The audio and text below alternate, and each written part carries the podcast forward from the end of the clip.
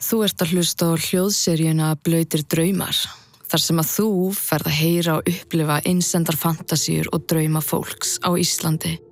Ef þú hefur áhuga á að deila með okkur blöytum draumum eða fantasíum, sendu þá á okkur á hljóðsögur at gmail.com og ef okkur líst vel á, munum við gera þátt úr því.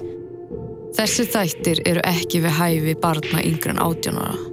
Komdu þér þægilega fyrir, lokaðu augunum og njútu. Góða skemmtun.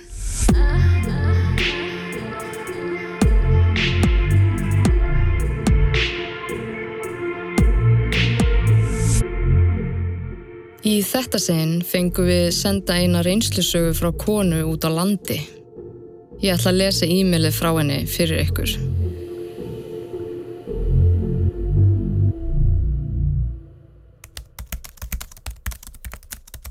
Hæ hæ.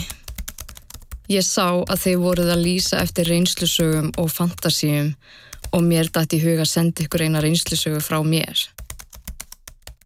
Ég er 29 ára í dag og gift með börn og allan pakkan. Það er alveg dásamlegt og ég gæti ekki verið sáttari við tilvöruna.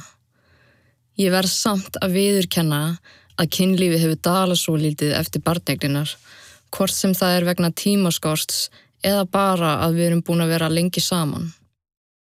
Á mínum yngri árum var ég ferga vilt og ég ferðaðist um allt og í dag og ég vini í nánast öllum heimsálfum sem er alveg geggjað.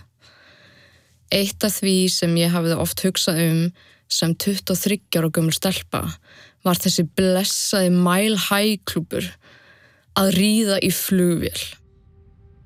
Það var eitthvað sem ég vildi prófa.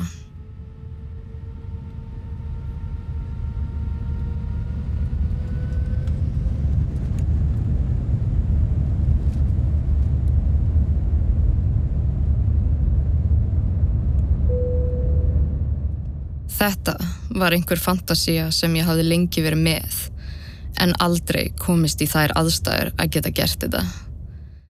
Þessi þættir eru engungu í áskrift. Ef þú vilt heyra meira, smeltu þá á hlekkin í lýsingu þáttarins.